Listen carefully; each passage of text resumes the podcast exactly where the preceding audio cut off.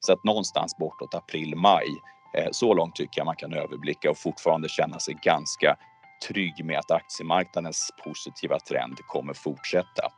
Eh, det ser inte ut som att den kommer kunna brytas riktigt än så länge.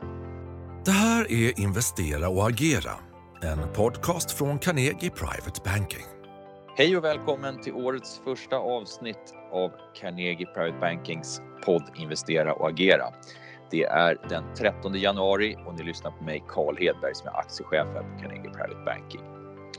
Den kraftiga ränterörelsen uppåt har ju skakat om börserna under inledningen på det här året. Eh, vi såg ju framförallt första veckan som eh, kantades av en hel del riktigt svaga börsdagar. Eh, därefter har vi kommit in i en, en vecka där det har varit väldigt mycket fokus och väntan på nya inflationssiffror, framförallt då från amerikanskt håll. Och det här har ju varit marknadens stora fokus eh, under den senaste tiden eftersom det påverkar ränteutvecklingen till stor del. Eh, det här ska vi prata mer om idag och lite grann hur vi på aktiemäkleriet eh, ser på, på det här och hur vi navigerar det här börsåret framåt och lite tankar om hur vi tycker att en lämplig portfölj kan se ut för detta år. Om vi börjar lite grann med marknadsläget. Eh, Stockholmsbörsen eh, avslutade ju 2021 på ett extremt starkt sätt och egentligen samma typ av rörelse vi såg även på den amerikanska marknaden. Vi hade ju eh, börsindex som stannade runt 25% upp på, på helåret. Eh, och det här är ju extremt stark utveckling som vi nog inte kommer kunna räkna med att vi kommer se upprepas det här året. Och sen hade vi som sagt den här svagare starten på, på 2022 istället.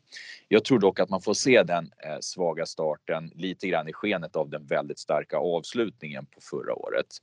Eh, vi hade ju inledningen på det här året då för svensk del Eh, en börs som kom ner ungefär 4,5% på de tre börsdagarna som, som vi hade eh, marknaden igång här under slutet av veckan.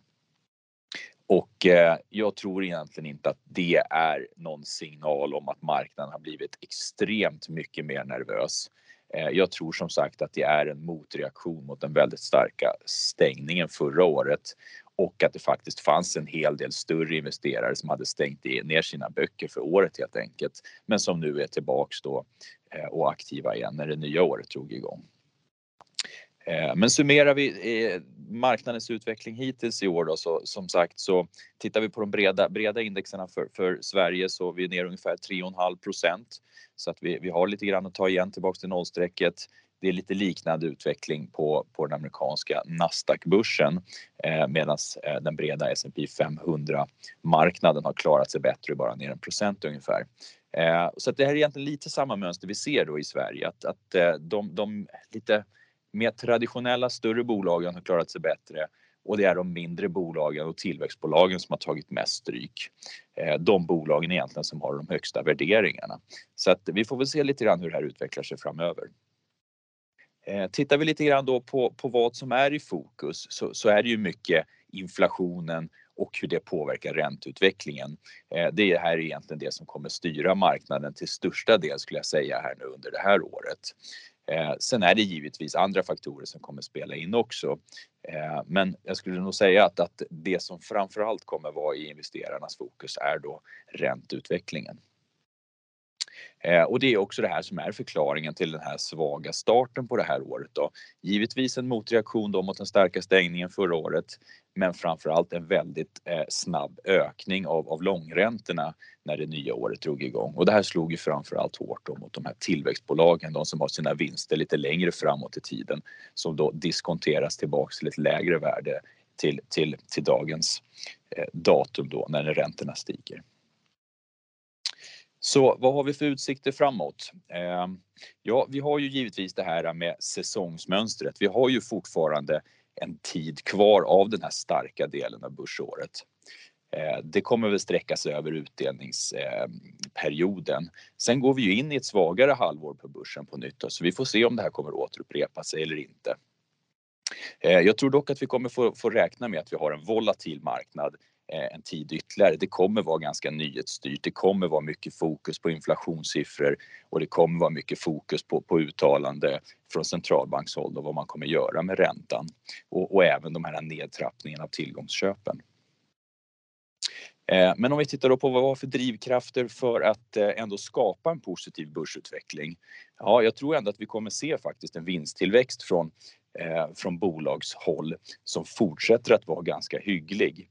Eh, så att jag tror ändå att det kommer vara tillräckligt för att väga över den här motvinden som vi ser då från, från stigande räntor och minskat eh, likviditetsstöd från centralbankerna. Eh, men det gör ju också då att den största risken blir ju faktiskt ränteutvecklingen. Eh, det kommer vara det som, som, som kommer vara eh, den, den största anledningen till att, att marknadstrenden, den stigande trenden skulle kunna börja mattas av om det här går för fort mot marknadens förväntan. sen har vi ju givetvis då en viss osäkerhet i om de här nya nedstängningarna som vi har sett i spåren av den här nya smittspridningen Eh, skulle kunna påverka bolagen och dess eh, förväntade vinsttillväxt. Då. Så att det blir ju lite intressant att se här nu när, när rapportsäsongen drar igång här mot slutet av januari. Eh, vi kommer få se kanske än mer påverkan från, från det här under, under årets första kvartal då, när den eh, kvartalet ska rapporteras. Ehm, en bit in i april helt enkelt. Så att det är väl egentligen de två sakerna som, som jag ser som de största riskerna då. Räntans utveckling och om det finns eh, fortsatta störningar i, i eh, bolagens verksamhet och som kommer påverka vinsttillväxten eller den förväntade vinsttillväxten. Eh, så hur rådger vi då på aktiemäkleriet våra kunder att agera i portföljen? Ja, jag tycker att man kan se på det på, på, på egentligen två sätt. Och dels då i ett lite kortare perspektiv eh, och dels i ett lite längre perspektiv. Jag tror ju att i det här korta perspektivet då kommer vi nog få räkna med att vi kommer se en marknad som är fortsatt volatil. Eh, vi kommer se mycket olika Eh, nya typer av, av, av, utspel då från centralbanker. Eh, vi kommer få, få mycket fokus på de här makroekonomiska siffrorna som kommer påverka det här.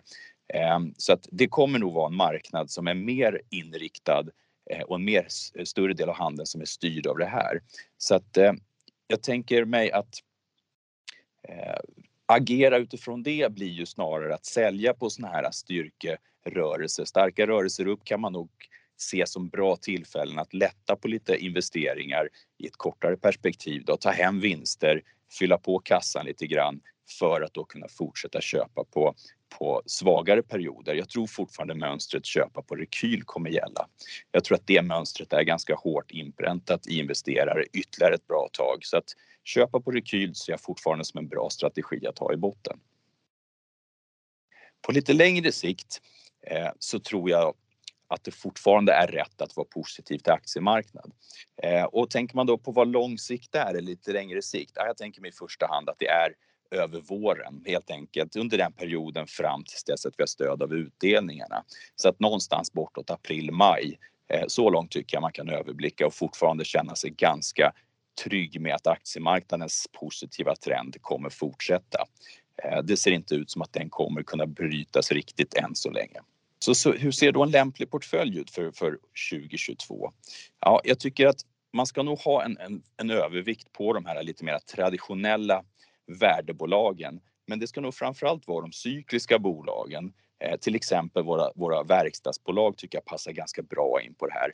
Vi ser ju också att det är där pengarna flödar in som, som mest tydligt just nu. Det är den sektorn som, som leder den här börsutvecklingen. Eh, men jag tycker inte man ska exkludera alla tillväxtbolag på grund av det här med räntan utan det finns fortfarande en hel del intressanta bolag som man kan komplettera med.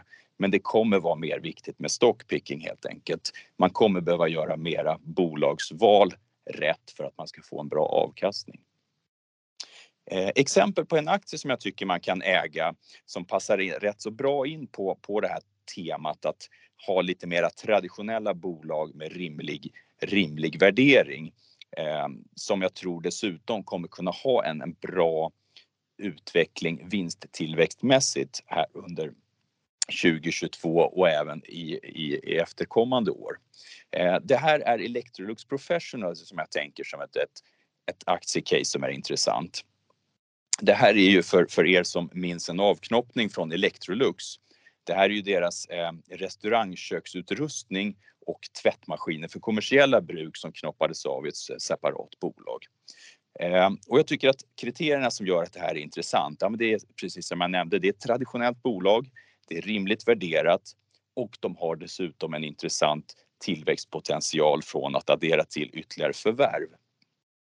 Så att de långsiktiga faktorerna som jag tycker stödjer det här aktiecaset, ja, men det är de här långa trenderna med befolkningstillväxt, det är urbanisering, det är att fler deltar i yrkeslivet och att vi ser en trend med ökad disponibel, disponibel inkomst i stort. Allt det här är ju sånt som driver egentligen på efterfrågan på att äta restaurangmat oavsett om det är snabbmat eller om det är mera fine dining. Utan det här kommer driva investeringar i det här området på sikt. Sen ser vi ju även att produktutvecklingen är en sån här faktor som driver på det här området. Det har inte varit så mycket fokus på det tidigare utan det här är någonting som, som vi kommer se mer och mer av och det tror jag absolut Electrolux Professional är ett bolag som kommer gynnas ganska starkt av. Och sen som jag nämnde tidigare, det finns en hel del intressanta möjligheter att addera till förvärv på det här för det är en ganska fragmenterad marknad. Och tittar vi lite mer på, på det kortsiktiga, varför ska man köpa den här aktien nu? Ja, då tycker jag att det är för att aktien är nedpressad nu som en följd av de här nya restriktionerna och nedstängningarna som vi har sett. Vi såg även lite samma mönster i aktien i inledning av pandemin. Eh, den här aktien knoppades ju av precis när pandemin drog igång eh, och pressades ganska mycket av osäkerheten i hur kommer restaurangbranschen att utveckla sig under de här hårda nedstängningarna. Nu har aktien på nytt tagit lite skada av nya nedstängningar och jag tror ju att det här är mer av en tillfällig karaktär. Jag tror den här aktien kommer komma tillbaks när vi börjar se en återgång till lite mera normala mönster där man börjar leta sig ut på restauranger på nytt. Eh, vi såg ju här under sommaren när det var lite mera normala förutsättningar vilket enormt eh, tryck det var på restaurangerna och det här kommer ju driva nya investeringar när vi förhoppningsvis är igenom den här pandemin på lite sikt. Eh, och dessutom så börjar det faktiskt finnas lite signaler i den tekniska analysen att pengar börjar leta sig in i den här aktien redan nu.